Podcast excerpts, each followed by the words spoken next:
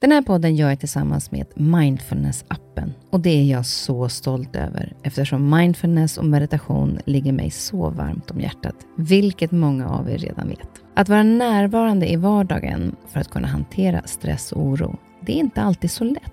Då kan man ha mindfulness-appen nära till hands för att hjälpa dig när du behöver. För mig kan det vara så till exempel när det gäller sömnen, att vissa dagar då har jag riktigt svårt att komma till ro. Framför allt när det är mycket med jobbet. Då brukar jag använda mindfulness-appen och avsluta dagen med en avslappningsövning för att sänka stressnivån. Det gör det så mycket lättare för mig att somna sen. Oavsett om du kämpar med sömnlöshet, stress eller bara behöver en stund för dig själv så har Mindfulness-appen verktygen för att hjälpa dig att slappna av och sova bättre. Appen är utformad för att passa in i din livsstil med korta övningar som passar även de hektiska schemana. Som lyssnare till Nyfiken på så får ni 40% rabatt på prenumerationen av Mindfulness-appen. Länk till erbjudandet ja, det hittar ni i poddens Instagram, kaspersen nyfikenpa. Eller så går ni in på themindfulnessapp.com kristin. Välkommen till min podd Nyfiken på. Här får jag chansen att möta människor som jag är nyfiken på utifrån deras historia, kunskap eller erfarenheter. Människor som jag inspireras av och förhoppningsvis kan vi med det inspirera er. Om ni gillar avsnittet får ni jättegärna dela det så fler får chansen att lyssna och det ger mig också möjligheten att få spridning på podden så att jag kan fortsätta länge att bjuda in människor till roliga och intressanta samtal. Glöm inte att du också kan gå in och prenumerera eller följa podden så missar du inte när avsnittet släpps. Veckans gäst är relationspsykologen Anna Bennick och jag har bjudit in henne då jag tänkte att den här tiden på året, ja den innehåller ju mycket känslor och det är traditioner och ibland en del utmaningar. För det är ju julveckan. Vissa har längtat, några kan knappt vänta tills de ska få fira tillsammans med hela familjen igen. Sen finns det de som firar första året som bonusfamilj eller nyseparerade och ska dela upp julen. Sen finns det de nykära och också de ensamma. Så jag tänkte prata lite med Anna om hur vi kan hantera de här nya situationerna, hur vi kan ta till oss och dela med oss av våra traditioner och vad vi ska göra med våra förväntningar och inställning så att vi kan få bra förutsättningar till att julen blir en lugn och fin tid.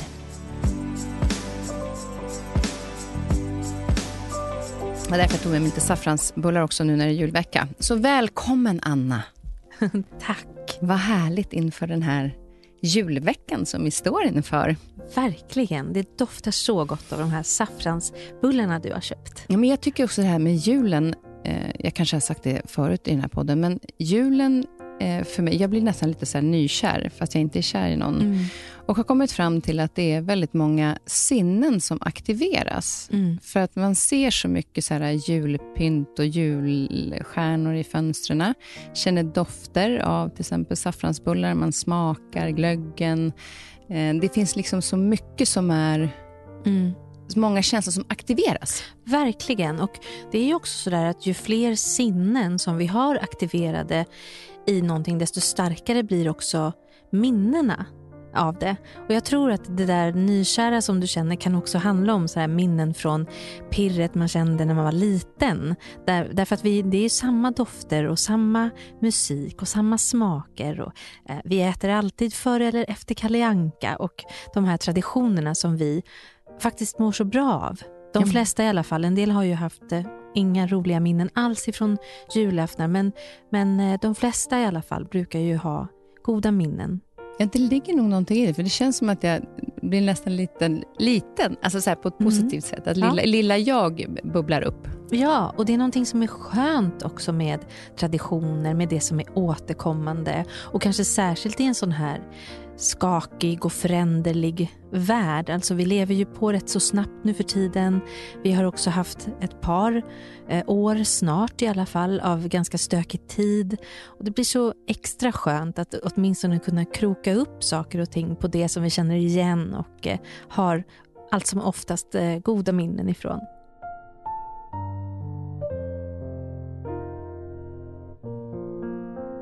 Men om vi ska prata lite grann kring julen, för det, det är en tid också som berör och kanske upprör ibland. Eh, mm. Det kan vara irritationer och det kan vara glädje och det kan vara ensamhet och det kan vara en jättesamhörighet. Mm. Allt är på en gång. Allt är på en gång. beroende på vilka olika erfarenheter man har och uppväxter och vad man är i just nu. Mm. Så det är det vi tänkte prata lite grann om den här timmen. Och då tänkte jag att en sak som, som slår mig väldigt mycket kring julen, det är ju det här med förväntningar. Mm.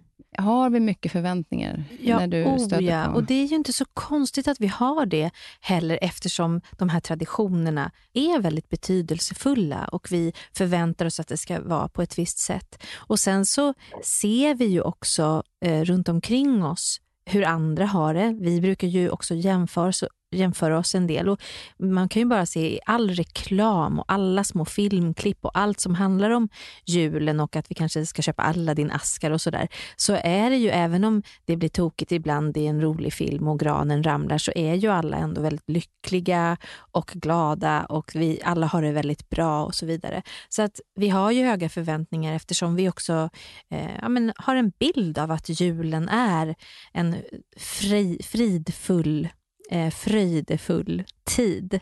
Eh, och så blir det inte det, för vi blir osams och tycker olika och eh, någon unge är inte nöjd med vad som låg i strumpan och eh, vi ja, ska försöka få ihop eventuellt bonusfamiljer eller eh, föräldrars olika önskemål och eh, alla traditioner som krockar och sen så eh, plötsligt så är det rätt mycket stress också runt julen.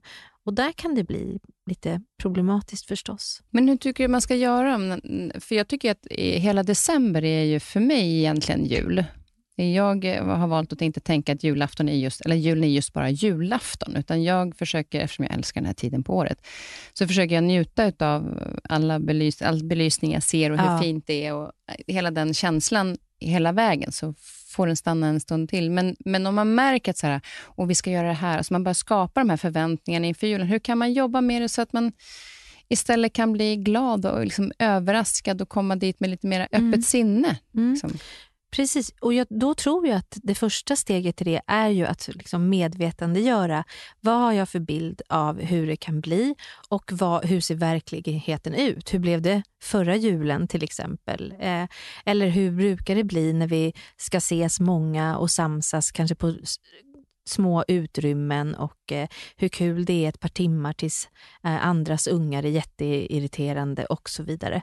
Eh, att, att vi eh, egentligen högt säger till varandra det här är mina förväntningar, hur ska vi göra när, när, de, eh, när, när de naggas i kanten och hur ser dina förväntningar ut? För en sak som vi är ganska dåliga på, det är ju att förstå precis varandras förväntningar eller vad, vad den andra har i huvudet. Det märker jag jätteofta i, i mina parterapier också, att vi säger inte högt hur vi tänker oss någonting därför att vi tänker att de andra tänker väl ungefär som, som jag. Alltså att vi sitter i, i samma fyrtorn och riktar ljus mot en händelse eller någonting på precis samma sätt. Och så Egentligen så har vi väldigt olika infallsvinklar. De där ljusen de kastas in på en situation från helt olika håll och med förväntningar och föreställningar hur något ska vara och så vidare. Så att en sak är ju att, att prata om dem högt. Hur, hur tänker vi oss att det här ska vara? Och också hur, hur har det blivit tidigare och behöver vi kanske justera våra förväntningar lite grann? Det var så roligt, jag pratade eh, på ett annat ställe nyligen om, om lycka och pengar. Eh, och, då, och där i det samtalet så var det någon som lyfte att eh, Finland för fjärde året i rad är utsedda som, som världens lyckligaste folk. Och då var det någon där som sa, ja men det är för att det har ju att göra med deras förväntningar. De tänker, det kan alltid bli värre. det går liksom inte att bli besviken då. Nej, nej. Eller lättare i alla fall kanske att eh, få fatt i den, den där tacksamheten. Och Det är eh. också sån, eh, när det gäller de här förväntningarna som du pratar om, att man säger dem högt till varandra, att också respektera den andras förväntningar. Eh, ja. Jag kan nog villigt erkänna att när jag var, säg 25-årsåldern där, Eh, med pojkvän och skulle börja fira jul. Och Jag var väldigt knuten till den julen som vi hade. Eftersom min pappa bodde i Norge, mm. Eh, så valde, gjorde mamma och pappa så, eh, och de tyckte att det var rätt båda två. Att Jag firade jul med mamma i Sverige, för att där hade jag större familj. Så jag mm. fick en, alltså en typ av tradition kring julen, eftersom jag annars hade så mycket varannan. Och så firade jag alltid nyår med pappa. Och Då fick jag ju en lilla julafton där, vilket jag tyckte var toppen, för jag fick ju två mm. Men, men det gjorde ju liksom att just då att man har de här med, med förväntningarna kring när man eh, då blev 2025 och så skulle jag bryta den här enda traditionen som egentligen var fast för mig varje år. Mm. Det var, jag var, såg mest bara ifrån mitt, mitt fyrtorn, kan Ja. jag säga. Ehm, Och det tog några år för mig, att, och tårar faktiskt. Mm. Jag satt och grät på Nya Zeeland när min familj firade jul i Sverige, även om jag Ja. hade det fantastiskt där. För att jag var så starkt knuten Ja. till den traditionen. När vi sen då var hos min pojkväns familj så var det så här, det här är jätteannorlunda än mig, det vi firar. Och det var svårt att komma över, Mm. tippa över det. Men vad härligt det blev att när jag såg att ja, men det här är ju, jag får ju uppleva någonting mer. Det Mm. förtar ju inte min jul. Nej, Jag det. får ju bara en till bild av hur julen kan vara hos någon annan. Just Typ det. varannan jul. Just det. Och, ja, men precis, för det är ju det också att din jul försvinner ju inte helt och hållet för det, utan det, det kommer ju det kommer ju minst en julafton om året. För ganska många, precis som du beskrev, kommer det kanske dessutom två julaftnar därför att många lever separerade och har olika traditioner på två ställen. Eh, så att det kommer ju tillbaka. Och eh, att göra någonting annorlunda någon gång innebär ju inte att man tappar allt det där andra, men det kan ju kännas så. Mm. Ja, men lite så. Och de som är, de vi eh, tänker nu när vi pratar om det här med förväntningar och så, det är ju lite grann de här nykära, som, som där alltid, där man kanske liksom vill vara tillsammans, och så har man de här olika erfarenheterna och, så ska man, och traditionerna och så ska man försöka börja mixa dem i en tid. Har du märkt Mm. någonting på det när du, när du möter mm, dina par eller folk som pratar om det? Ja, jag, tänkte, jag tänkte på dig nu, nykär och, och ledsen på Nya Zeeland. Ja, men jul. exakt. Ja, men det var verkligen en kontrast. Jag var ju jätte, han var ju där, min kille var där på jobb, så jag fick åka med. Det var en fantastisk resa. Så sitter jag där och Ja. grinar för att jag vill hem till min familj. Ja, men det var tycker inte jättekär. jag är konstigt. Man kan vara kär och gråta. ja, nej, men, eh, hur, vad märker jag i nykära par? Jag träffar inte nykära par särskilt ofta om de inte är i min eh, närhet eller omgivning som vänner och så. För nykära par kommer ju väldigt sällan i parterapi. Därför att man har ju inga problem. Man tycker allt är toppen och perfekt och den andra, man blir ju lite dum i huvudet när man är Så de har nästan nyförälskad. lättast att lösa första julen? De brukar ha lätt att lösa. Det kan vara tårar av att man bryter någonting men det är ju väldigt, eh, det är väldigt, väldigt vanligt att man tycker att det, den andra säger är toppen. Eh, eftersom man har träffat plötsligt en felfri person tills man inser att man inte har det eftersom de ju finns ju inte som vi vet. Men, eh, men känslan kan ju vara så.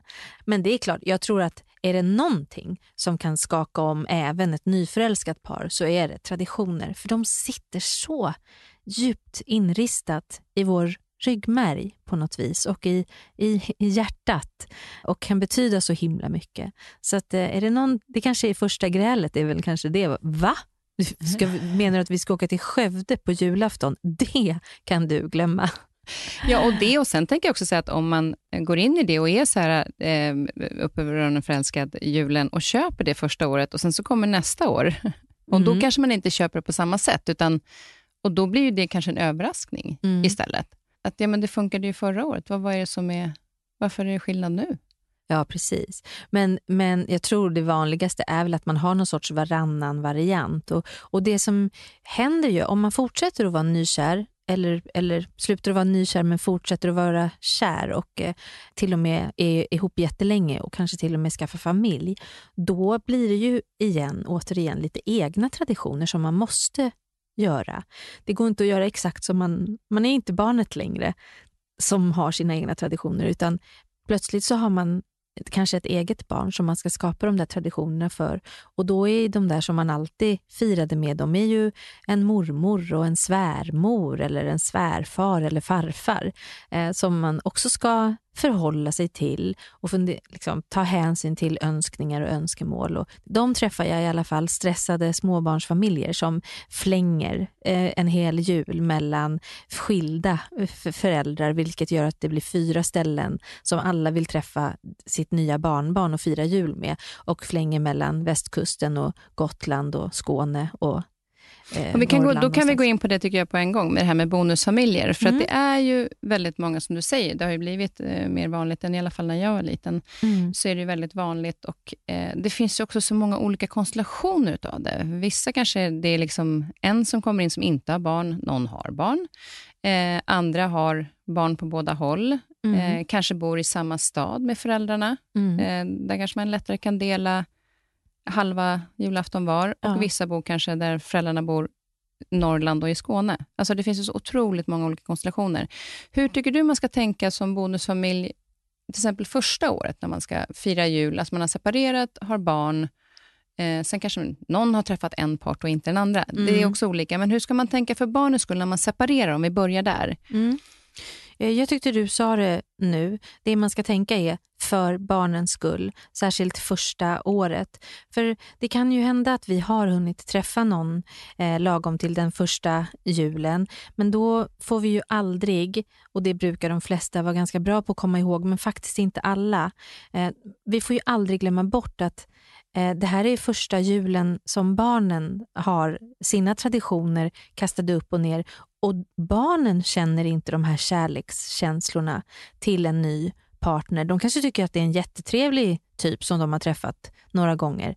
Eh, eller som de till och med har flyttat ihop med alldeles nyligen. Men fortfarande så har de två föräldrar med massa olika känslor inför det här och som kanske har kommit olika långt. Och eh, allt sånt där brukar ge sig ganska bra om man bara inte har för bråttom. Och jag tycker ibland att jag ser exempel eller möter personer där man har så bråttom med sina egna känslor och sina egna behov att man faktiskt glömmer bort att barnen inte hinner med. Och en separation går nästan alltid att få till på ett bra sätt. Och en, ett barn som växer upp med skilda föräldrar har inte alls eh, sämre psykisk hälsa eller så som vi har hört tidigare när man ser i studier. Med ett undantag och det är ju de där det är bråk och tärande konflikter eller där föräldrar glömmer bort att, att barnen också har lite tid i början innan eh, separationen och det nya är på plats. Mm. För vi är ju väldigt anpassningsbara eh, och vi kan anpassa oss till förändringar men vi, vi vinner väldigt mycket på att ha barnens bästa för ögonen i början. För att annars skapas det konflikter som sen blir återkommande och som kan eskalera och bli värre. Jag, jag tycker ibland att det är klart att vi är nykära och vill skapa en ny familj och nya traditioner men vi eh, ska försöka, tror jag, många gånger att inte ha så himla bråttom med det där utan hur, vill, hur vill, skulle barnen vilja ha det? Framför allt de här första åren som traditionen passerar. Men där är ju också den tiden som det kanske också är mest känsligt för när man har separerat. Därför att någonstans så har man en konflikt i relationen, men kanske inte egentligen så mycket som föräldrar. Nej. Eh, är det då att man ska försöka så här, ställa relationen och tjafset till sidan? Okej att vi tjafsar om vem som har gjort vad mot varandra tidigare, men det kan vi ställa till sidan nu. För nu är det så här, okej, vi är föräldrar, hur kan vi göra det här det bästa för barnen och som också vi kan komma överens om så att vi mår så bra vi kan i den här situationen. För det betyder inte att man mår toppen, eh, att hitta en Nej. lösning. Men Usch, det gör vi ju för barnen inte. så kanske det blir, alltså just att, och ibland, jag, jag tänker ibland att det kanske är rätt skönt att ställa bråket till sidan och se sig själv bara som förälder. Mm. Och varje gång som man kan ställa ett gräl åt sidan eller hålla i alla fall gräl borta ifrån barnen eh, så ska man ge sig själv en klapp på axeln. För man kan ju också vara en förälder som har barnens bästa för ögonen men en partner som har skenat iväg någonstans och eh, ja, men inte inte, in, kanske inte tänker lika mycket så. Eh, och Det kan ju vara väldigt svårt att vara ensam i att ha det där föräldraskapet eller önskan att det ska bli så bra som möjligt. Men, men varenda gång man lyckas eh, vända det som man är frustrerad över eller arg över eh, bort från där barnen är så är, så är det liksom en, eh, en jättebra sak man har gjort. För det kan vara svårt när man är jätte, jätte förbannad. Eh, men eh, det, man gynnas så mycket av att gå undan och ringa till sin kompis och säga att man har varit gift med en idiot i 15 år, än att det kommer ut framför barnen. För det, även om den, är, den ena är mer eller mindre knäpp, så gör det ont mm. i barn att höra väldigt dåliga omdömen om den andra föräldern, som man ju också är en liten del av. Ja, och det är klart att man, och det som du säger, det är klart att man, kan, att man får vara arg. Min mormor, eh, eller våran mormor och gammelmormor, allt vad hon var, eh, hon sa alltid att huset där hon bodde, det är liksom barnens hus. Alla är välkomna hit. Eh, även om föräldrarna separerat, så är föräldrar, de andra parterna också välkomna, för där håller vi sams. Så sa hon att alla är välkomna, lämna hatten på hatthyllan. Mm. Och så kommer ni in och så har vi mysigt med barnen här. Och sen när ni går, glöm för fan inte att ta med er hatten.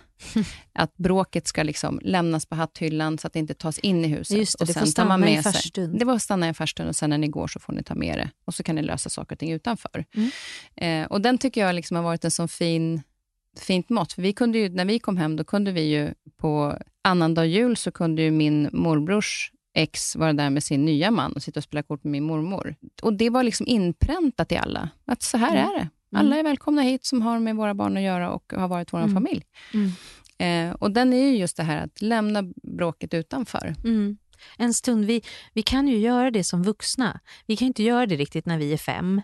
Vi har inte det, den förmågan ännu. Men när vi är vuxna så har vi ju faktiskt förmågan att pausa, att vänta, att inte direkt säga vad vi tänker och så vidare. Och det, det där gör vi ju ganska ofta på arbetsplatser eller på ställen där vi ska behöver skärpa ihop oss och, och sådär. Eh, och förstås också i, i familjer. Man kan ju känna sig jättetrött på någon gammal svärfar som pratar för mycket eller någon mm, mamma som dricker för mycket och, och så vidare. Men att vi inte alltid måste ta de här eh, surdegarna precis mitt i stunden. Och, eh, eh, och så är det väl även här. Så det där tyckte jag var en, en, en, liksom en fin sak som din mormor gjorde. Men det är just också, vad har du sett hos dina par som du har haft när det gäller bonusfamiljer? Vad har du sett har fungerat bra för att vägleda lite och hjälpa till på vägen? Mm. Det som jag har sett som har fungerat bra, det är att man har delat upp ju, juldagen, en har förmiddag, en har eftermiddag. Att man har haft varannan julafton, varannan juldag, varannan annandag, varannat nyår. Eller att man på andra sätt har sytt ihop eh, julhelgen. Eh, och alla de olika eh, konstellationerna har oftast funkat bra om man inte har bråkat jättemycket. Det är återigen det som det kokar ner till. Att, att vi, jag tror inte det finns någon sån där, det är bäst att inte dela upp julen utan att ha varannan jul. Eller det är bäst att eh, vakna på morgonen hos den ena och somna på kvällen hos den andra så man har fått lite både och. Utan det där passar ju olika familjer. Det beror också på hur långt bor man ifrån varandra och, och sådär. Hur, hur är det praktiskt görbart och så. Eh, men alla sådana där olika konstellationer vi är ju som art, som jag var inne på, väldigt anpassningsbara och det är barn också otroligt töjbara och så vidare och kan ställa om och tycka att andra saker är okej än som vi gjorde förra året och för förra året och så. Eh, men så länge det inte är jättemycket gräl. Så det är ju en sån där lärdom, eh, precis som din mormor hade förstått för länge sedan antagligen och skruvat upp en hatthylla ganska mm. högt. Det är väl en sak och, och, som, och som kan vara svårt förstås. Ehm, men en, en annan sak eh, som också är, är viktig, där jag ser att det brukar funka bättre, det är ju just det där att inte ha så bråttom. Därför att eh, vi inte vet riktigt hur långt har barnen kommit i sin sörjeprocess och om det är första julen precis sådär så kan det vara, vara bra att ha barnens bästa för ögonen och tänka att vi får säkert våran jul och våra traditioner ändå lite senare. Så att, att, att bromsa in där lite. Och vänta in dem i det. Ja, mm. precis. Och då är det också så att när man börjar med de här varannan jul, så blir det också den här första julen när man firar och inte har barnen. Ja. Känner, känner du igen den? Ja. ja. Alltså nu, nu, sitter vi, eh, nu skrattar jag lite och det gör jag verkligen inte för att det var roligt, utan det var ju skittufft. Det, alltså det var, ja, vi, vi log igenkännande Exakt. Eh, med en liten blick på varandra här. Ja, eh, ja men det, det är ju jättekonstigt. Jätte, Hur hanterade du det? Jag har faktiskt inget minne av en jul där jag har suttit helt ensam. Jag vet att det ju har hänt. Utan Då har jag varit hos ja, men några andra jag har vänner som också har separerat och där de hade någon sån jul. Eller en, eh, jag har en, en av mina äldsta vänner som inte mår så bra och som är ensam och som jag har åkt till. och och, och sådär. Men däremot eh, midsommar, en midsommar när jag inte hade barnen. För vad gör man på en midsommar när alla är på olika landställen med barn och eh, sjunger Små grodorna? Och, och är på, det, det var, då, jag har aldrig gråtit så mycket när jag har först så stelt leende vinkat av barnen på trappan. Hej, du har så kul på landet. Ja. och sen gått in och bara, nej det, var, det, har varit, det var förskräckligt. Mm. Jag hamnade på någon jättekonstig fest där sen, men oj vad... Ja, det blev, det blev en annorlunda kan man säga, som jag inte ville gå till men som sen blev ändå ganska kul. Men jag ska, tänker inte berätta något mer än så.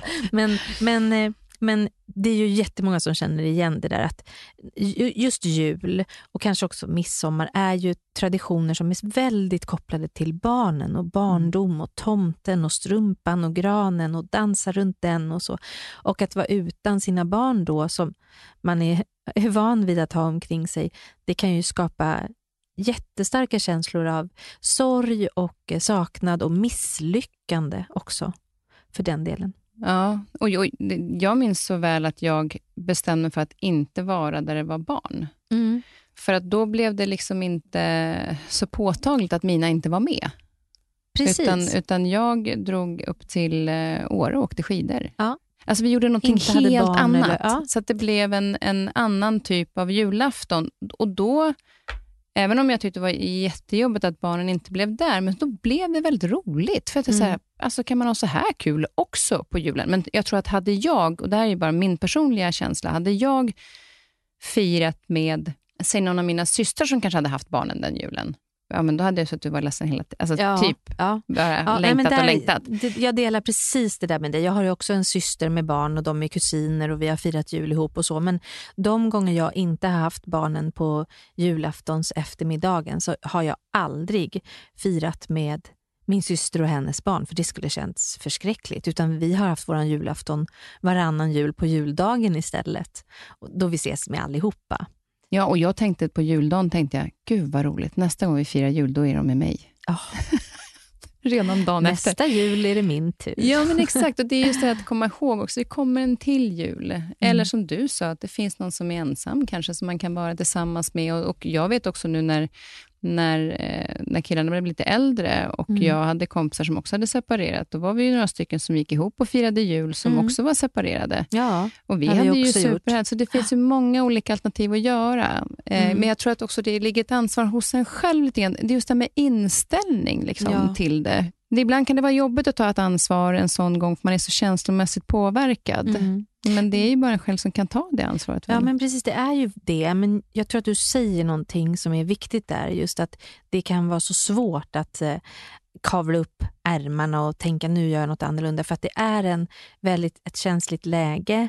Eh, vi är så vana vid att det har varit på ett visst sätt. Det kan på, göra sig påmint det man har förlorat. För, det är ju en form av förlust, en separation. Även om man faktiskt vill egentligen separera ifrån just den här personen så förlorar man ju så mycket annat. Man förlorar traditioner, man förlorar halva tid med barnen, man förlorar eh, andra familjemedlemmar som kanske fanns på den andra sidan som man har tyckte om eh, och sådär. Så att det är ju en stor förlust och allt det där kan göra sig påmint om man ska sitta några timmar ensam i en soffa med något tänt ljus och eh, höra ifrån andra lägenheter hur folk skrattar och skrålar och är många och man kan känna sig ensam. Så det kan vara ganska svårt att tänka nytt och sådär. Och då tror jag att rikta blicken utåt så på det viset som du har gjort och som också jag har gjort är ett, väldigt, är ett bra sätt. Men det är också viktigt att komma ihåg att alla har ju inte heller möjlighet. Det finns inte det där nätverket kanske.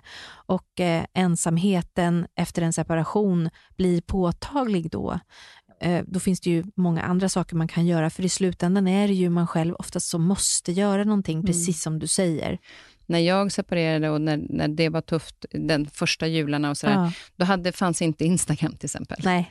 Så att jag kunde inte sitta och scrolla och se hur härligt alla andra hade det. Eh, och det tänker jag också är en liten bov i dramat nu. För det vet jag ibland när jag har längtat efter mina barn och så har jag suttit och scrollat så ser jag alla mina kompisar hänga med barnen. Och även om Ja. jag vet att mina barn har jätteroligt, så blir det så här, Nej, jag vet. Nej. Visst, och det där är så fascinerande tycker jag, för att vi vet ju allihopa att det är så där att på Instagram är alla jättelyckliga och umgås och så. Det är det vi lägger upp. Vi lägger ju inte upp så här, oh, jag, jag känner mig så trött för vi bråkade hela natten. Det lägger vi inte upp där, utan vi lägger upp det som är härligt. Det är som ett fotoalbum fast det blir publikt på ett vis. Eller, eller när vi har gjort roliga grejer eller sådär. Eh, och vi vet ju det allihopa och ändå så påverkas vi Mm. av att se andra på det där viset. Det, är, det går inte att komma runt det det, är, andra. det är märkligt det där. Att vi ändå, jag visste ju att när jag skulle sätta mig och scrolla den där sommardagen, jag visste att många, just då att jag hade lite andra veckor med mina barn. ja. Och ändå, ändå så gör jag det. Jag bara, men varför sitter jag och tittar på mina kompisar med, med sina barn? Jag har det ju bra, liksom, även om jag inte är med mina barn nu, så har jag ju toppen där jag är. Om jag bara ser det och Mm. inte tittar på det jag inte har. Nej, precis. Och, och, och Instagram är ju en stor påminnelse ibland på det man inte har eller inte har gjort eller inte har lyckats med eller inte har presterat Mm. eller så. Ja.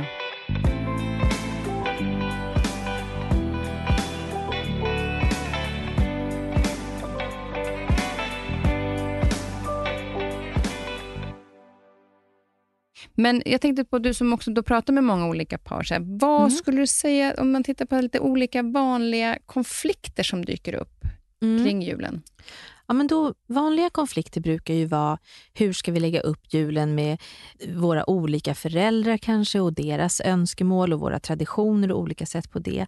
Andra saker kan handla om eh, hur ska vi förhålla oss till eh, julklappar till exempel som man kan ha olika inställning till och framf- inte minst i bonusfamiljer faktiskt där man har haft väldigt olika tradition av mycket eller lite och vad fokuserar man mest på och så vidare.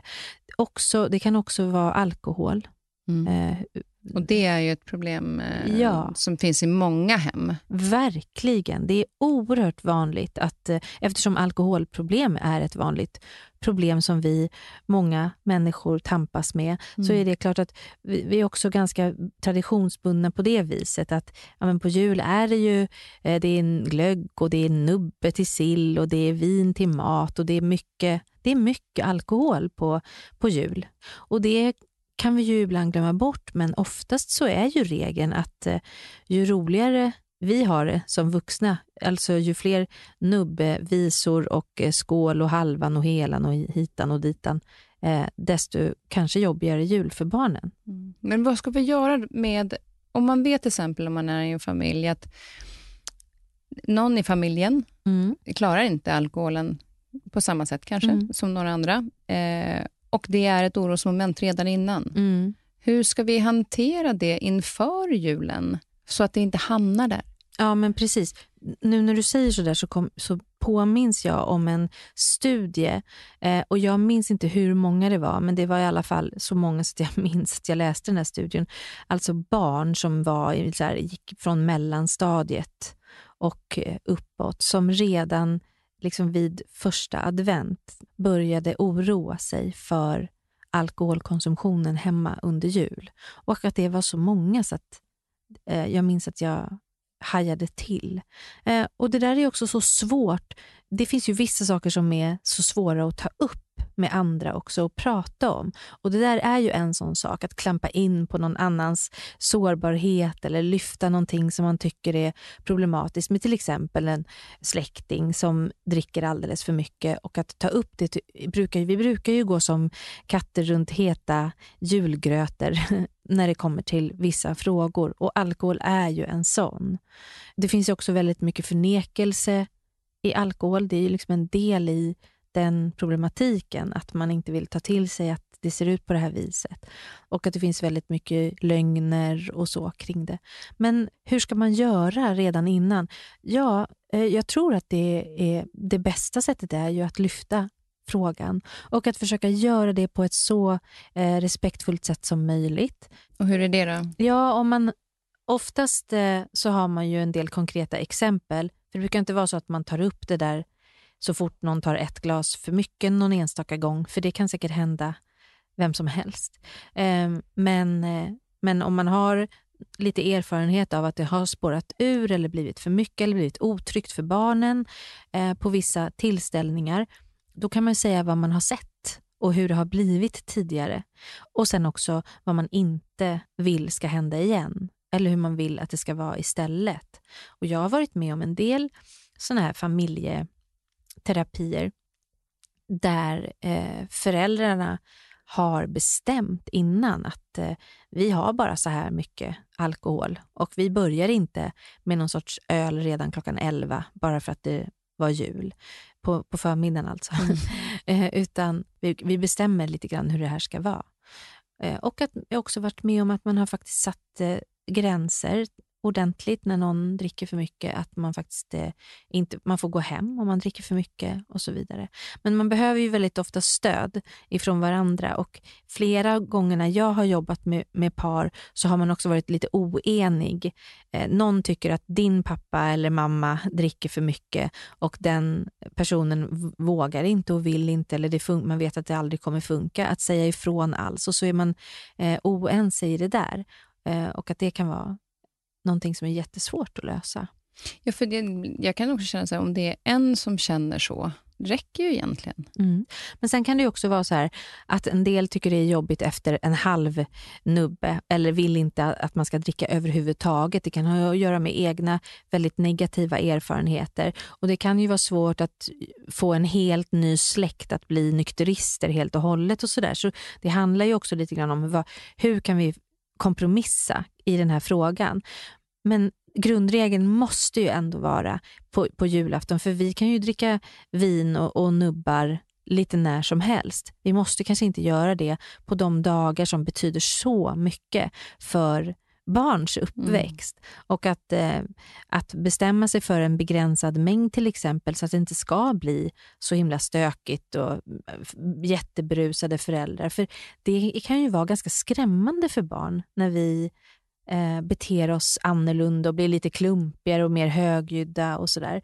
Ja, och det säger rätt mycket om den här undersökningen, då, att ja. det var så många barn som hade reagerat på det. Vi föräldrar eller vuxna kanske inte ens tror att barnen reagerar på det, Nej. fast de kanske har gjort det. Det har många gjort. Eh, och mm. det, det tänkte jag på nu när du sa det här, just att man kommer kanske in i en annan familj och så är man kanske från sin egen familj så vet man att alkoholen har varit ett problem. Så är det inte det när du kommer in i en ny parkonstellation och med den mm. familjen, men du ser att de dricker. Är det rädslan då som tar över? Att ja, man är rädd för att det ska bli som det var som det har varit för mig tidigare i familjer där folk har druckit? Ja, det tror jag absolut att det är. Att eh, när man har en sorts sådär nolltolerans så, så handlar det väldigt mycket om skräcken över hur det har varit och att man inte vill uppleva det igen. Ska man säga då så att jag har haft det så här på mina jular, det har varit väldigt jobbigt. Jag är lite rädd för att det ska ske på samma sätt. Ja, jag tycker um. att det är ehm. jättebra om man vågar det. Mm. Eh, om man beskriver det inte bara så här, jag tycker inte vi ska dricka, eh, det blir så himla dålig stämning och det är inget bra och det är då,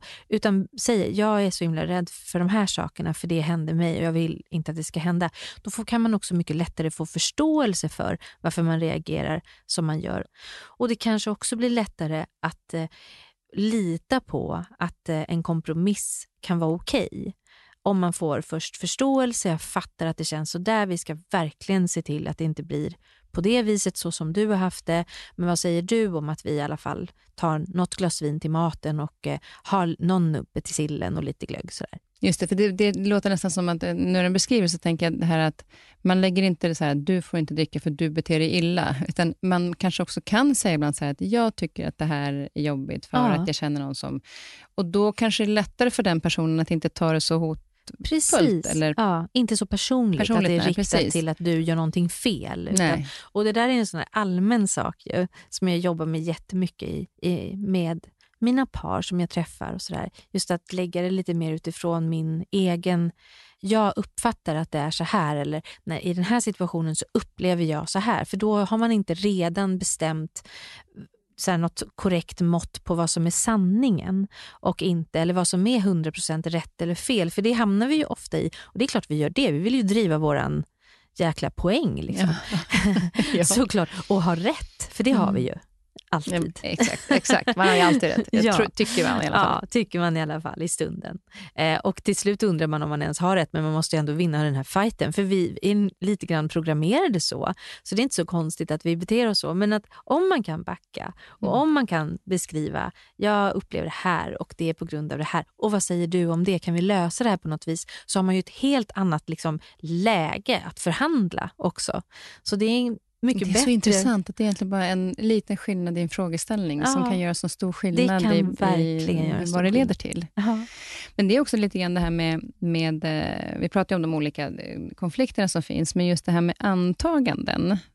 Att vi antar också ibland att ja, men nu kommer den personen att bli full, eller nu Mm. ska min moster bara eh, prata hela tiden. Just Alltså, vi det. har ju antaganden inför julen. Jag brukar alltid säga att assumption is the mother of all fuck-ups. Men, men eh, hur ska vi se på de här antaganden? För det kanske inte heller blir så. Det där är också så spännande tycker jag att prata om. Jag tror att vi behöver göra sådana där antaganden därför att det är en jätterörig värld med jättemånga olika intryck och signaler och, eh, och vi tolkar saker på olika sätt och så. Så att, att sätta lite sitter på personer, det där är hon, hon fungerar så här och så där gör den och så vidare. Det är ett sätt att liksom skapa ordning för oss och ibland är det ju bra saker som vi har på etiketterna. Men när vi har de där negativa tolkningarna och har bestämt oss för en speciell sanning och har ett sånt där antagande som är, är svårt för oss att bryta, då, man ger ju inte den andra heller så stora chanser att ändras. Eh, jag vet att faktiskt eh, min man till exempel, han eh, brukade tydligen komma väldigt mycket för sent eh, i, i tidigare dagar. Och eh, Han gjorde det också lite grann precis när vi träffades, men då var ju jag nykär så då tyckte jag mest att det var gulligt bara. Det är Jag inte ser det, hur man är när man är nykär. Ja, precis. Det är inte det sen. Men då kommer jag ihåg att jag började anpassa mig lite grann. Sådär att om vi skulle ses klockan fyra så kom jag kvart över fyra för då behövde jag bara vänta i fem minuter. För han Mm. hade lite tidsoptimism med hur lång tid det tar att parkera en bil i Stockholms innerstad och sånt där till exempel. Eh, det räknade inte han in så ofta. Men han liksom ganska tidigt bestämde sig för att han skulle sluta med det där och börja komma i tid. Och Jag minns ju att han var sen några gånger men han ändrade sig verkligen. Och fortfarande än idag, fem år senare, eh, så kommer han väldigt mycket i tid. Men det var inte alls länge sedan som det var ja, men en släkting till honom när vi, när vi sågs och vi hade på riktigt haft lite problem med någon så här, överdrivet länge letat efter en parkering men vi var liksom fem minuter sena till, till någonting. Och den här släktingen sa så här, ja men så är det ju med dig, du kommer ju alltid för sent. Fast han inte har gjort det på fem år, inte dit heller. Så där. Men att den där antagandet sitter fast i så här, där är han, han kommer alltid för sent. Och där är hon, hon är väldigt slarvig. Och där är den och den är så himla kontrollerad och ska alltid vara exakt på samma sätt. Så att vi har svårt att eh, komma ur våra gamla roller och mönster. Och det där tror jag faktiskt också händer när vi sen ses och firar jul ihop. Att vi också lättare hamnar i såna där gamla roller som vi hade när vi var yngre, när vi träffar andra. För att det är liksom det är det där med gamla hjulspår och det är enklare på något sätt att falla in i det där som vi vet och känner till. Men om någon nu verkligen försöker ändra sig och så är det ingen som ser att de har gjort det. Ska vi inte liksom tänka så, okej jag antar att det här kommer att ske, att någon kommer att prata, eller jag kan säga att min familj vet att jag pratar mycket och de tänk, kanske tänker, nu säger jag inte att de gör det, men vi tar mig själv som ett exempel så Mm. att jag inte sätter någon annan i Ja. en bad sit- Du situation. menar att du inte lämnar ut din man på ett osympatiskt sätt som andra människor gör ibland? Nej, jag exakt. skojar bara. Nu har jag ingen man att lämna ut. Just det, vi Så att vi får, prata men, om det sen. men, men jag tänkte, ja exakt. Eh, nej, men det jag tänkte på var just det här att om jag då sitter, ofta pratar mycket vid bordet och håller låda och sådär. Och så tänker folk när de kommer att, ja men Kristin kommer ju prata hela tiden. För det gör hon ju alltid. Mm. Och sen kanske jag kommer dit och känner så här, men nu ska jag verkligen så här, skärpa mig och lyssna in lite grann, för jag vet att jag kan ta över. Alla vågar inte säga till mig, Kristin, kan du andas nu så någon annan får prata? Och så gör jag det. Det är ju så att säger jag då någonting, då kanske de fortfarande står kvar i att, "Ja, men Kristina, nu, nu börjar hon prata igen. Just det. Att, att också vara lite öppen. Ska man själv då så här, vara tydlig med jag vet att jag kan ta över ibland, men jag försöker, liksom, för jag vill det själv, ändra mig. Ska man vara tydlig med att man faktiskt gör en ansträngning så att folk kanske lägger märke till det eller ska man då gå och förvänta sig att folk ska fatta? Då går jag med en förväntan mm. att folk ska se mig och då blir jag ju besviken att de inte fattar. Just det. Sen kan det vara lite läskigt i början att säga det högt, för ibland kan man ju, det vet ju vi allihopa, att man kan skärpa sig med någonting och sen så tappar man det sen och det är så himla jobbigt när man, jag ska börja, jag ska börja motionera och göra min sjukgymnastik ordentligt så jag inte har ont någonstans eller jag ska sluta och liksom, jag ska gå och lägga mig tidigt på kvällen och så sitter man där sen 00.30 och googlar och kan inte gå och lägga sig. Och så, så eh, får man det i ansiktet. Så här, hur gick det där då? Att man kan mm. tycka det är svårt i början. Men jag tror som du, det är ganska bra att säga. Ja, det, här ska, det håller jag på att jobba på nu. Ni får jättegärna lägga märke till om ni tycker att det funkar bra eller mindre bra eller hjälpa till lite och puffa på mig. Och påminna mig när jag glömmer bort. Ja. Men också det att, att ibland då kanske är så att vi ser att en gammal moster, då, nu tar man det som ett exempel, inte för att gamla mostrar brukar vara så här, men att om hon eh, ska alltid bestämma maten, säger vi. Och om det nu är så att hon vill det och vi vet det när vi kommer dit, varför blir vi så irriterade när vi är där? Därför att hon alltid bestämmer maten. Ja, men om vi vet det, om ja. vi inte har tagit diskussionen innan, ja. så varför ska vi liksom... Det är någonting, jag skapar bara min egen irritation. Mm. Jag vet när jag kommer dit att det är hon som vill fixa, jag vet att det är hon som vill eh, pynta hur det ska se ut, jag vet allt det där. Och så när jag kommer dit, så ja, det var precis så. Så kan jag ju själv skapa en irritation, fast jag egentligen vet, istället för att tänka, ja men låt henne göra det. Hon tycker att det här är så himla mysigt. Mm. Måste, om jag nu vill förändra, kan jag väl ta, ta, ta upp det tidigare i sådana fall? Ja, precis. Eller påverka andra saker. För vissa saker tänker jag mig också är så här, eh, de vi har omkring oss kommer vara bra på vissa sätt och ganska irriterande på andra sätt, precis som vi är bra och säkert lite irriterande i, i andras värld. Alltså att lyfta den där blicken lite från sig själv eh, tror jag är en bra sak att göra ibland. Och att också släppa saker. Nu vill hon ha det så där. Varför irritera sig på det? Då får man, det finns ju massor med saker som vi kan irritera oss på som kanske är viktigare mm. att lägga energi på än det där. Och, men det kräver ju också det som du just nu gör här och som vi gör här, att man medvetet tänker på det, att man pratar om det, att man tänker, är det här ett, ett bra sätt att förhålla mig till den här situationen eller ska jag göra på något annat vis? Ja. Vad, vad för irriterande grejer kan man ändå stå ut med? Eller vilka irriterande grejer är det ingen idé att ta fighten av? Vad, ska, vad kan vi inte acceptera? Nej, men att eh, flera vuxna blir fulla på julafton, det kan vi inte acceptera. Men att någon vill att dukningen ska vara på ett exakt sånt där sätt, ja, det kanske... Men låt det vara så. Då. Ja, titta så ut genom vi... fönstret och försök uppmärksamma något nytt där utanför en liten stund och sen släpp det. Släpp det. Den tycker jag är så skön när man säger det. Släpp det. Det är inte alltid lika lätt. Nej, men det, det är när, jättesvårt. ja, men jag kan uppleva att de gånger jag kan det, det är inte alltid jag klarar av det, men när jag försöker liksom så släpp det, så är det också bara en befrielse för mig själv. För ja. Det går ju åt så otroligt mycket energi. Energi, att irritera sig. Ja. ja. Jag tycker, vara irriterad tycker jag är en av de jobbigaste känslorna. Ja. Och så är det ofta jag själv som skapar dem. Det är det jag tycker ja. det som påminner mig oftast. Att, ja. Fast det är bara jag som snör in på det här. Släpp det, Ja, och så tycker jag också att det är så här, eh, ibland kan vi irritera oss och irritera oss och irritera oss på ett speciellt beteende. Men när man liksom förstår, vi vet ju så himla lite om andra människor. I alla fall mycket mindre än vad vi tänker på.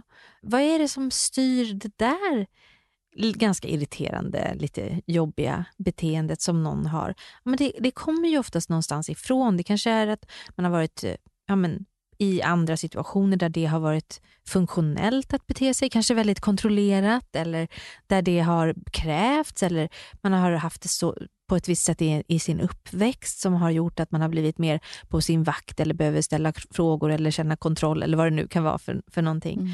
Och att när vi förstår saker bättre, då rinner ju också den där irritationen av oss. Och vi kan inte alltid få fatt i, det går inte att säga alltid till sin svärmor, varför är du så himla kontrollerande och måste ha koll på allting och varför får inte jag bestämma hur, någon gång? Det behöver vi kanske inte fråga, men att bara komma ihåg att så här, fast jag vet inte allt. Eh, det finns säkert en anledning till att hon gör på det här irriterande viset eller att han är så här. Eh, att bara så här, jobba lite med sin egen förståelse för att det är inte så himla lätt alla gånger att vara jättehärlig och perfekt och eh, det finns säkert anledning till det. Då är det också lättare att eh, ha acceptans. Mm. Just det, att man, får, att man får den acceptansen. Och jag tänker också så här, inför, inför och inte bara komma på det just på julafton, just det, det var så här. Utan man bara så här, vad är det jag brukar tycka är jobbigt? Mm. Okej, okay, det är det här. Eh, hur ska jag hantera det om det sker? Mm. Att jag kanske förbereder mig själv lite Ja. på, på de situationerna, om det, om det är några situationer som jag vet kan dyka upp. Ja, och göra lite kategorisering av problem. Är det här ett verkligt problem eller är det egentligen en bagatell? Ja, men det är kanske en bagatell att hon pratar lite för mycket eller han gör på något annat vis. Eh, då är man ju skyldig sig själv att släppa det i så fall. Bagateller ska ju inte vi lägga energi på. Det är ju, vore ju dumt bara. Eh, och Sen kan man fråga sig eh, om man svarar nej, ja det är en bagatell, då får man släppa det. Om man svarar nej, det är ett verkligt problem, då får man ställa sig en ny fråga. Eh, kan jag påverka det? Ja, jag kanske kan påverka. Jag kan faktiskt säga ifrån eller jag kan prova så här och så vidare. Eh, så om man tycker att det är värt att påverka det, då kommer sista frågan om det är värt det. För om man inte tycker att om det inte Mm. går att påverka alls, då får man också lägga det i den där släppte korgen. Mm. Eh, och den sista frågan, är det värt det? Ah, det kanske blir jättedålig stämning hela julen. Hur blir det? Hur blir vi? Går det ens att fira? jul? Är det någon som är kräng, lättkränkt? Hur, är det värt det? Nej, det kanske inte är värt det. Då är det också det där släppte. Bra tre frågor där. Det är ganska bra. Det är ganska skönt. Kategorisera problemen lite. Mm.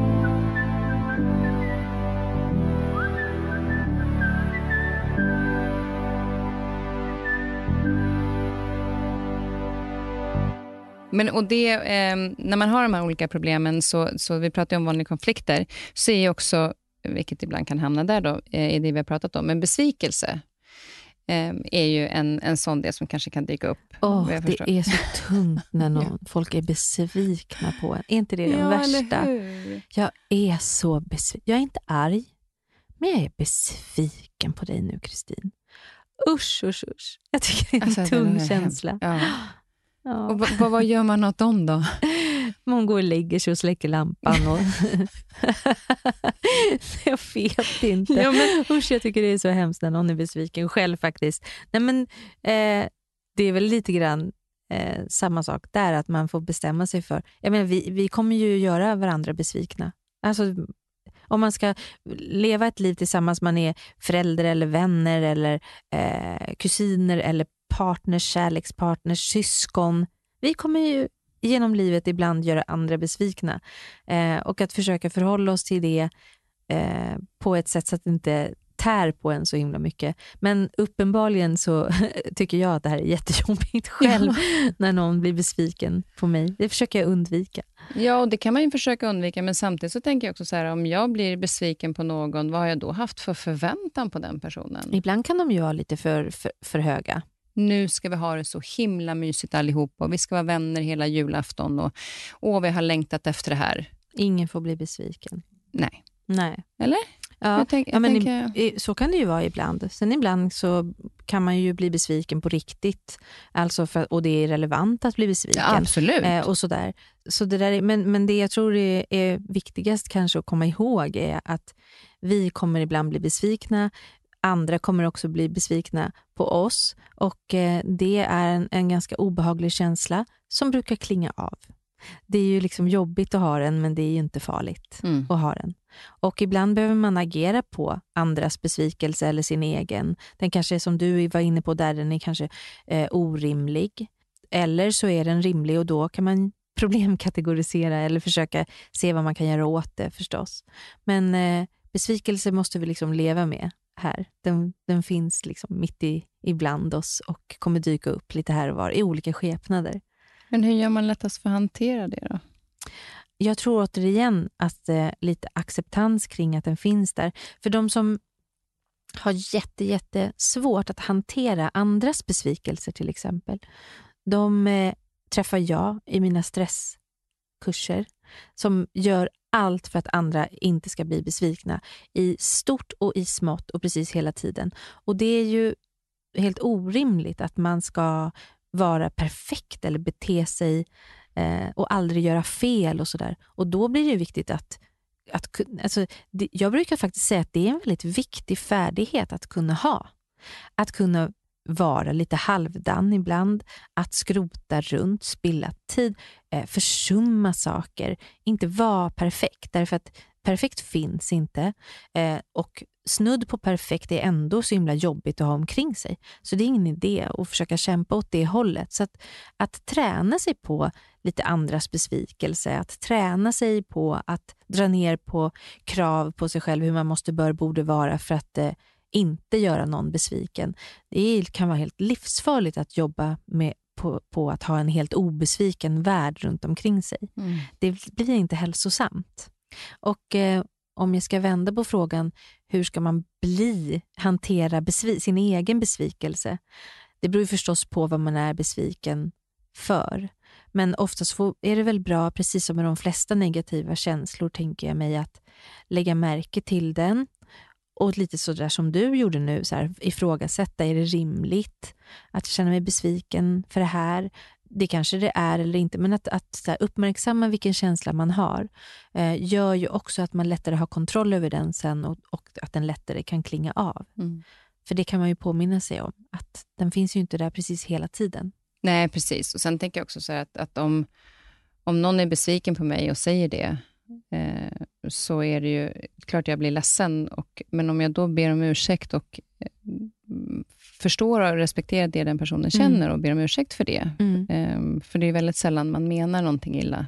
faktiskt. Eller ibland, det kan ju hända att folk är så, men det är inte alltid man har en en intuition, alltså det är det man vill, att göra någon besviken, utan det kan ju ha skett ändå. Men om, om jag nu ber om ursäkt för det, så är det ju fint om också det kan landa hos den andra och att den då kan släppa det och säga så att, att då, då har vi liksom landat i det. Mm. Okej, okay, du blev besviken på mig, jag ber verkligen om ursäkt för det. Kan ja. vi liksom, men ibland kan det också vara svårt att folk inte släpper. Då går de fortsätter att liksom ledsna på ja. en.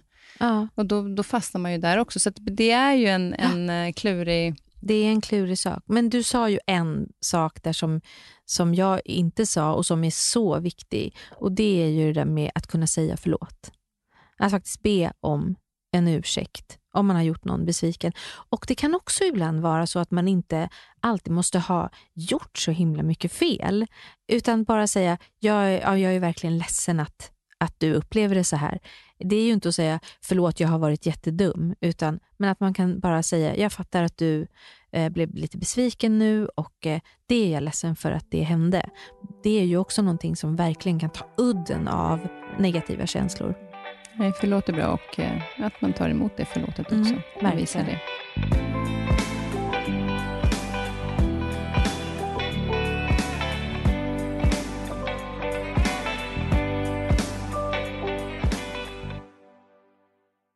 Jag tänker här med julklappar, vi ska ändå ta det lite innan vi går över på de ensamma. För julklappar, är, det är inte alla som har möjlighet att köpa julklappar. Det är inte alla och det är verkligen så. Men eftersom det är väldigt mycket fokus kring det runt jul, eh, hur vi ska hantera det. För vi, i familjer kan det vara så att vissa har råd att köpa vissa typer av julklappar och andra har inte det. Mm.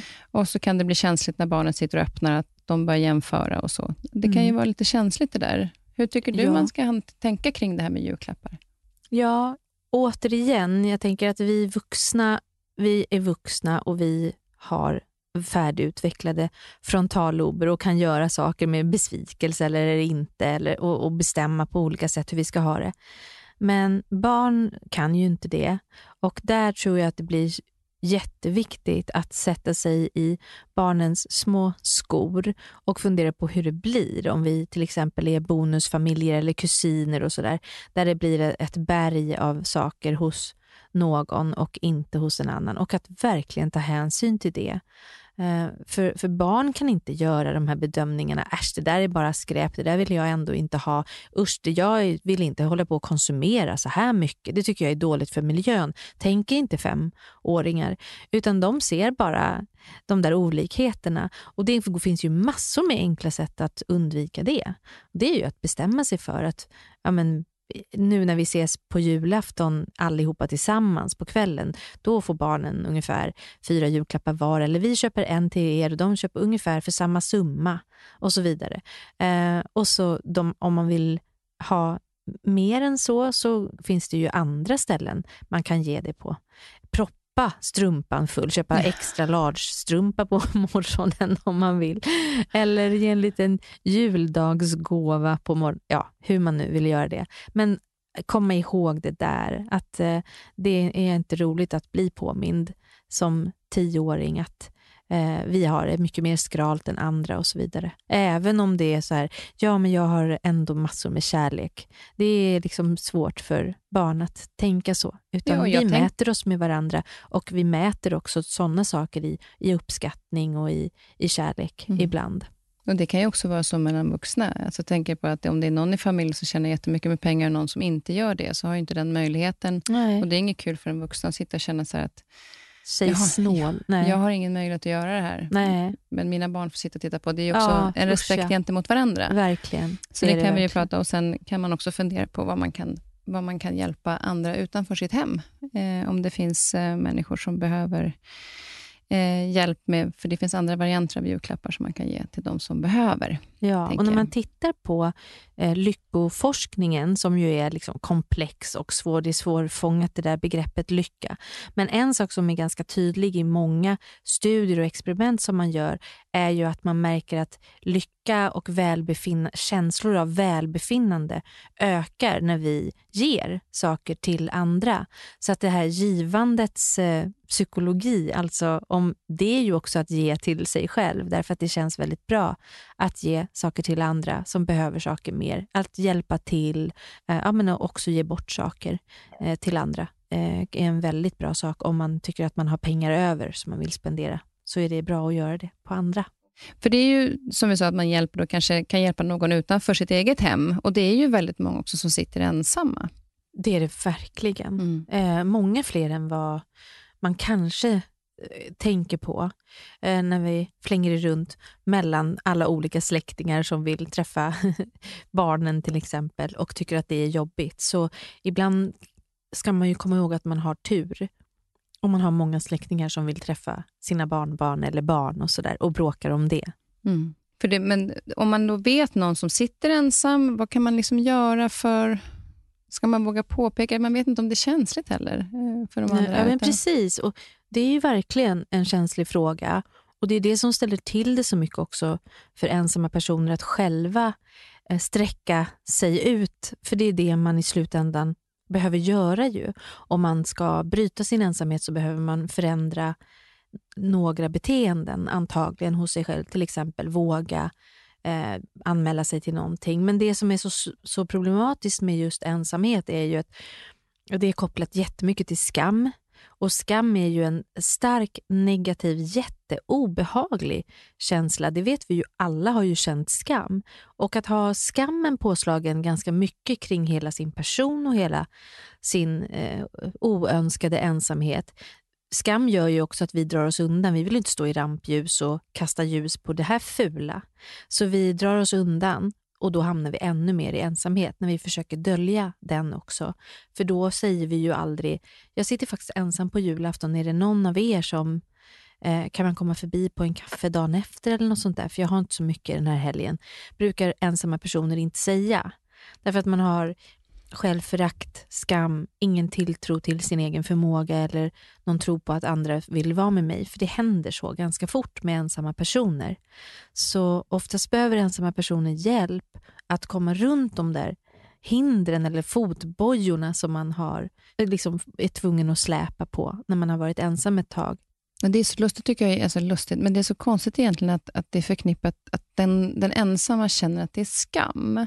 För det är ju inte... Alltså så här, det, man vet ju inte vad, vad, vad som orsakar till att man är ensam, men det är ju väldigt sällan, kan jag tänka mig, att det är ens eget... Det är ju ingen som ska i världen att vara ensam. Nej, Utan- verkligen. Så det är ingenting att skämmas över, utan det är ju bara det att många vet inte heller att folk är ensamma. Nej, precis. En granne kanske, om man inte har sina släktingar i närheten, man kanske inte har en familj på det sättet. Ja, Och då är det de som är runt omkring kanske inte heller vet nej. att det är så. Därför att vi inte pratar om Ja. det högt. Vi har ju faktiskt pratat om det lite högre de senaste 20 månaderna därför att väldigt många fler hamnade i ofrivillig isolering. Våra äldre, riskgrupper grupper, man skulle inte träffas och så vidare och fick, har fått vara mycket mer ensamma och förstått hur snabbt det går tills man mår dåligt av det och hur tärande ensamheten kan vara. Så vi har pratat om det mer nu och, och det är en förhoppning jag har att den ökade kunskapen eh, ska inte lämna oss samtidigt som pandemin förhoppningsvis gör det någon jäkla gång, mm. utan att vi kan komma ihåg det och eh, hjälpas åt ännu mer liksom i civilsamhället och, på, och även så rent politiskt och i vården och, och så. Eh, för just nu är det mest frivilliga organisationer som, som driver olika initiativ för att minska ensamhet och så. Eh, men jag, det hoppas jag ska vara en, en positiv konsekvens, att vi är så många fler som har känt av det. Men det är precis som du säger, att det är inte så himla ofta man är ensam för att man är eh, en elak och otrevlig typ som har stött alla ifrån sig, utan det kan vara skilsmässa och sen var jag inte den som hade ansvaret för nätverket och så plötsligt så har min partner lämnat mig med alla våra vänner eller man har flyttat till en annan stad, bytt jobb, har svårt att komma in i nya sammanhang för vi är inte världens öppnaste folk faktiskt, vi svenskar om man jämför med andra kulturer. Det kan handla om att man är äldre och att vänner faktiskt av naturliga skäl har fallit bort eller en partner har, har försvunnit. Det kan vara fysisk och psykisk eh, sjukdom som gör att det är svårt att röra sig ute. Det finns massor med eh, exempel på varför vi kan hamna i ensamhet i någon period och hur den sen kan eh, slita tag i en och, och göra situationen värre för att vi inte mår bra av den. Så det tycker jag var bra att du lyfte, mm. att det mm. faktiskt är just för att minska skam. Ja, för det är ju inte det och det är därför som det finns ju hjälp att få. Ja, det finns hjälp att få och framför allt på jul mm. eh, om man är ensam. Vad finns det för någonting? För det finns massor med initiativ från olika organisationer och även eh, pensionärsförbunden och, och sådär. Eh, om man är lite äldre till exempel. Och om man är väldigt ensam och ledsen på julafton till exempel så finns det också stödlinjer man kan ringa till, jourhavande medmänniska, jourhavande präst, Mind har flera linjer också där man kan faktiskt prata med någon som kan hjälpa till med lite eh, tips och så i stunden. Vad kan jag göra just nu när det känns så här tungt? Ja, och bara, och bara få prata med någon. Mm. Om man Verkligen. inte känner att man vågar prata med någon annan. En sån, för det kan ju också vara att jag vill inte störa den här familjen. Jag vill egentligen prata med min kompis, men hon är med sin familj, så jag vill inte störa. Ja. Men behovet finns ju fortfarande att ja. kanske få prata med någon just då. Ja. Mm, så det finns ju massor av sådana stödlinjer. Vi kanske skulle kunna lägga upp några stycken på Instagram. Ja. På poddens Instagram den här veckan så kan vi eh, lägga upp lite sådana saker, så kan man se vart man kan kontakta. Eh, om man vill dels fira jul med hjälpa till någonstans, några organisationer man kan kontakta ja. och dels lite stödlinjer ifall man sitter ensam. Precis, mm. precis. jättebra idé. Ja, men det gör vi. Ja. Eh, då ska vi se, nyår kommer ju sen. Hur ser du på nyår? Åh, nyår är ju... När, man, när vi var tonåringar då var ju nyår jättekul. Eh, och Sen var man jätte, jättetrött dagen efter och fick se på video, som det hette på den tiden, mm. och äta pizza. Eh, sen när man blev småbarnsförälder, då blev nyår jättesvårt att orka hålla sig vaken till, tills det började smälla. Eh, och sen när barnen blev stora, då oroar man sig för alltså att de är ute hela nätterna och eh, vad de gör och eh, är också egentligen lite trött. Men vilken negativ bild jag gav nu av nyår. Det brukar ju vara jättekul också och, och, och champagne och skåla och träffa vänner och så förstås. Mm. Men eh, Ja, nyår har haft sina olika skeenden, det kan ja, man säga genom åren. Din då? Din nyår? Ja, men sen jag var liten så var det, då firade jag nyår med pappa. Eh, Just varje, det, varje jul. Ja, i Norge. Nyår, ja, ja, varje nyår med pappa i Norge. Men, men sen tycker jag att, att det var väl en period där jag kom in och tänkte säga att nyår, får jag en bra nyår, då blir det en bra start på året. Då blir det ett bra år. Alltså det funkar ju inte.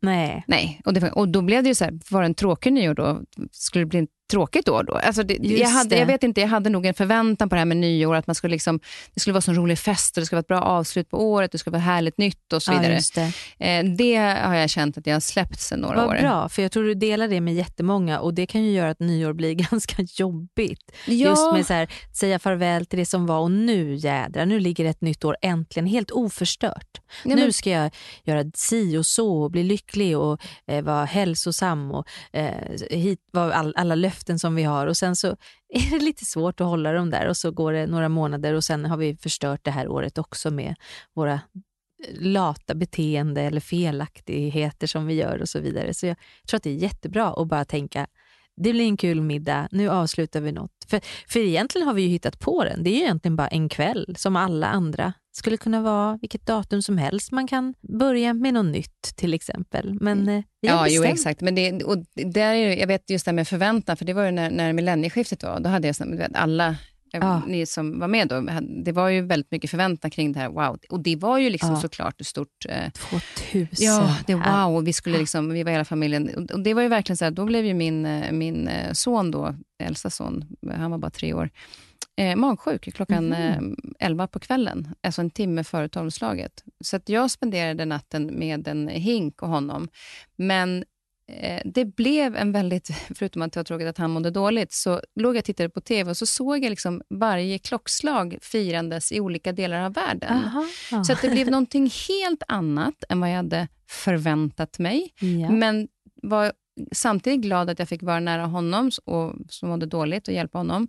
Och så låg jag där och tittade på, liksom, så att det blev någonting annat. Och jag tror att där någonstans var det så att okay, man kan aldrig förutspå hur en nyår blir, utan det blir som det blir. Ja. Och de roligaste har jag ju haft när jag egentligen inte haft någonting planerat. Nu för några år sedan så var, och hakade jag på några kompisar som hade bestämt sig för att åka till Åre. Och jag sa, har ni plats i er lägenhet, säger jag tre dagar innan. Och kommer upp. Vi hade inte ens bokat bord någonstans. Vi käkade typ ost, riskakor och ost till middag i, och dansade i lägenheten. Och jag hade så roligt den natten. Vad roligt. Herregud. det var så här, men helt oplanerat. Och det ja. bara... låter kravlöst och bort från många förväntningar. Ja, men precis. I år ska jag faktiskt fira med min pappa och hans sambo, så det blir en lugn och mysig nyår. Mm, Lite grann som förr kanske. Med pappa. Ja, och vad gör du på nyår? Eh, jag vet inte. Så som det är tänkt så är jag med eh, alla mina barn och eh, hela bonusfamiljen och min man. Vi är ju en bonusfamilj i Bangkok. Men eh, för att vi ska stanna där sen, eh, min yngsta dotter och jag, eh, i några veckor. Hon ska gå i Svenska skolan där och jag tänkte börja skriva på nästa bok. Eh, där nere. Ja, jättespännande. Jag har aldrig varit i Thailand heller. Men nu är det ju lite rörigt igen i, i världen och ja, man vet aldrig hur det blir riktigt. Vi har fått vänja oss lite vid det här att vi har en plan, men det kan ändra sig. Ja. Eh, och oavsett vad, så är det ändå så här, nu på något sätt kan jag känna, med att det har varit så här, så har vi lärt oss att det finns, ja, man har en B-plan. Mm, en plan lite B. Grann, ja, mm. Riskakor och, och, och, lite rödvin annars. det, blev en toppen, det, det, toppen det, nyår kan ja, jag säga. Det ska jag ha som en plan B. ja, men exakt. Vad är du nyfiken på annars? Nyfiken på? Mm. Thailand. Ja, uh, ja. Nej, men um, jag, uh, vad är jag nyfiken på?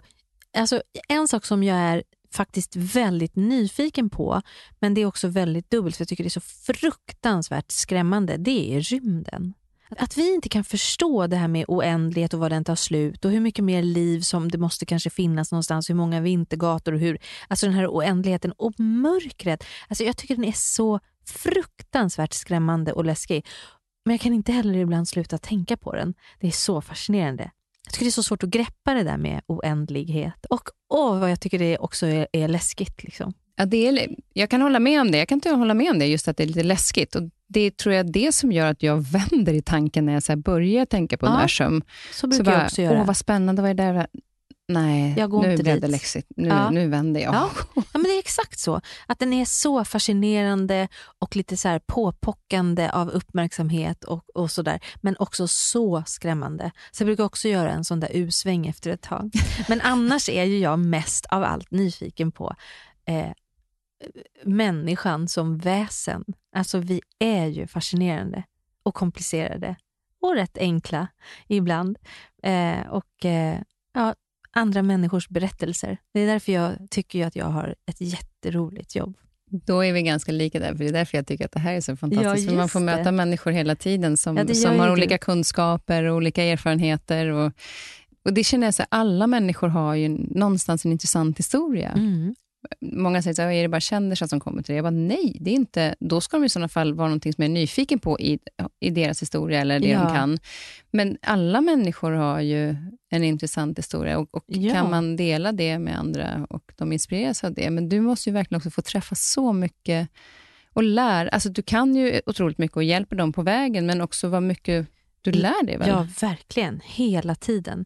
Och Jag är så himla tacksam över det här jobbet också för att alla de här berättelserna och att få följa med på en väg, kanske i en förändringsprocess eller hur, hur, hur man ska tackla olika berättelser eller svårigheter eller sådär. Det gör ju, jag tycker att jag håller huvudet igång så mycket. Alltså jag får själv sådär, hur kan man läsa det här och tänka på det här? Och så, eh, jag har med mig många hem på kvällen. Det brukar många fråga. Men hur kan du stänga av ditt jobb? Nej, det kan jag inte. Men blir inte det jobbigt? Nej, det blir inte jobbigt. Jag kan förstås eh, känna mig orolig över hur någonting ska gå som jag vet, känner till eller sådär. Men, eh, men det är inte på ett tärande vis, utan det är ju i så fall omtanke. Och omtanke vet vi alla, det är ju ganska skönt att känna. Även om oro inte är det, så är det ändå ja, men det är jättefascinerande. Och som du säger, alla har en berättelse. Och det som jag tycker är finast av allt som väldigt ofta händer eh, i möten med personer som kanske är lite mer rädda för att prata om vissa saker eller eh, lite mer misstänksamma. Vad, vad ska det här leda till? Eller har på andra sätt lite mer svårigheter att möta någon annan. Att när man plötsligt får den där kontakten, att det så här händer någonting i någons ögon. Kanske en sån djup ömhet för de människor som jag träffar. Och det är ju lyx att få känna så här ömhet massa gånger om dagen. Mm, härligt. Ja. Och också vad fint att du ser det, tänker jag. För det att du, att du kan eh, också ta det till dig. Liksom, i det. Ja, men, det... Men, men en sak som jag då tänker på nu, nu när du sa det här med att du pratar med så många, du får höra så många. När du är så här, parterapeut och så vidare, är man liksom expert då själv i sin egen relation? Ja, men det är också en vanlig fråga som jag ja. får. Och det är såklart inte så att bara för att jag eh, jobbar som psykolog och har läst på hur man bäst ska göra, att jag inte också är liksom, trött och gnällig och hopplös ibland eller att vi bråkar och, och sådär. Det, det finns ju som sagt inte någon, tror jag, som inte är, är också en människa sen när man kommer hem.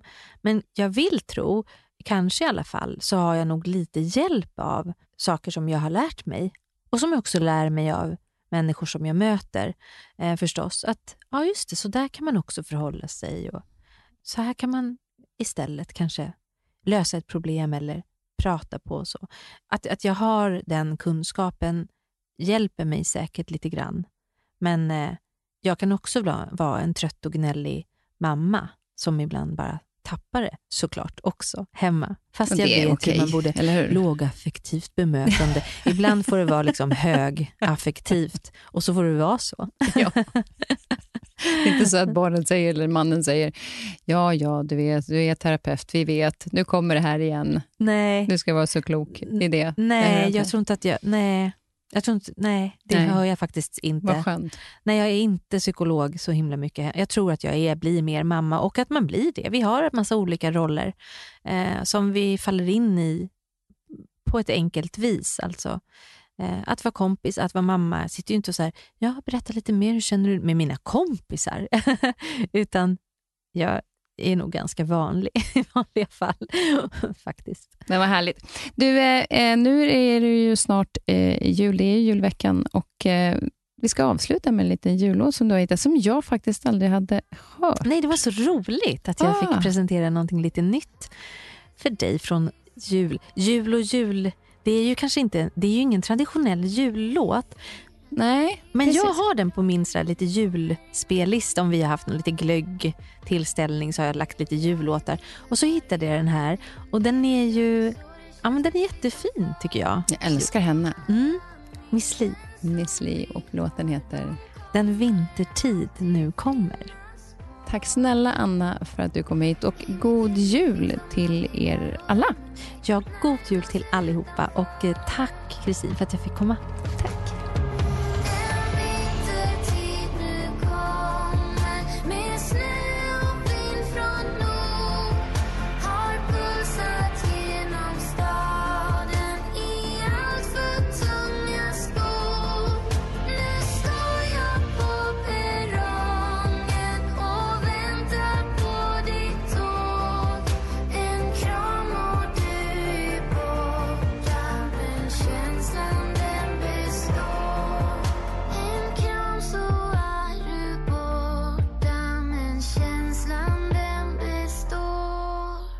Den här podcasten är producerad av Perfect Day Media.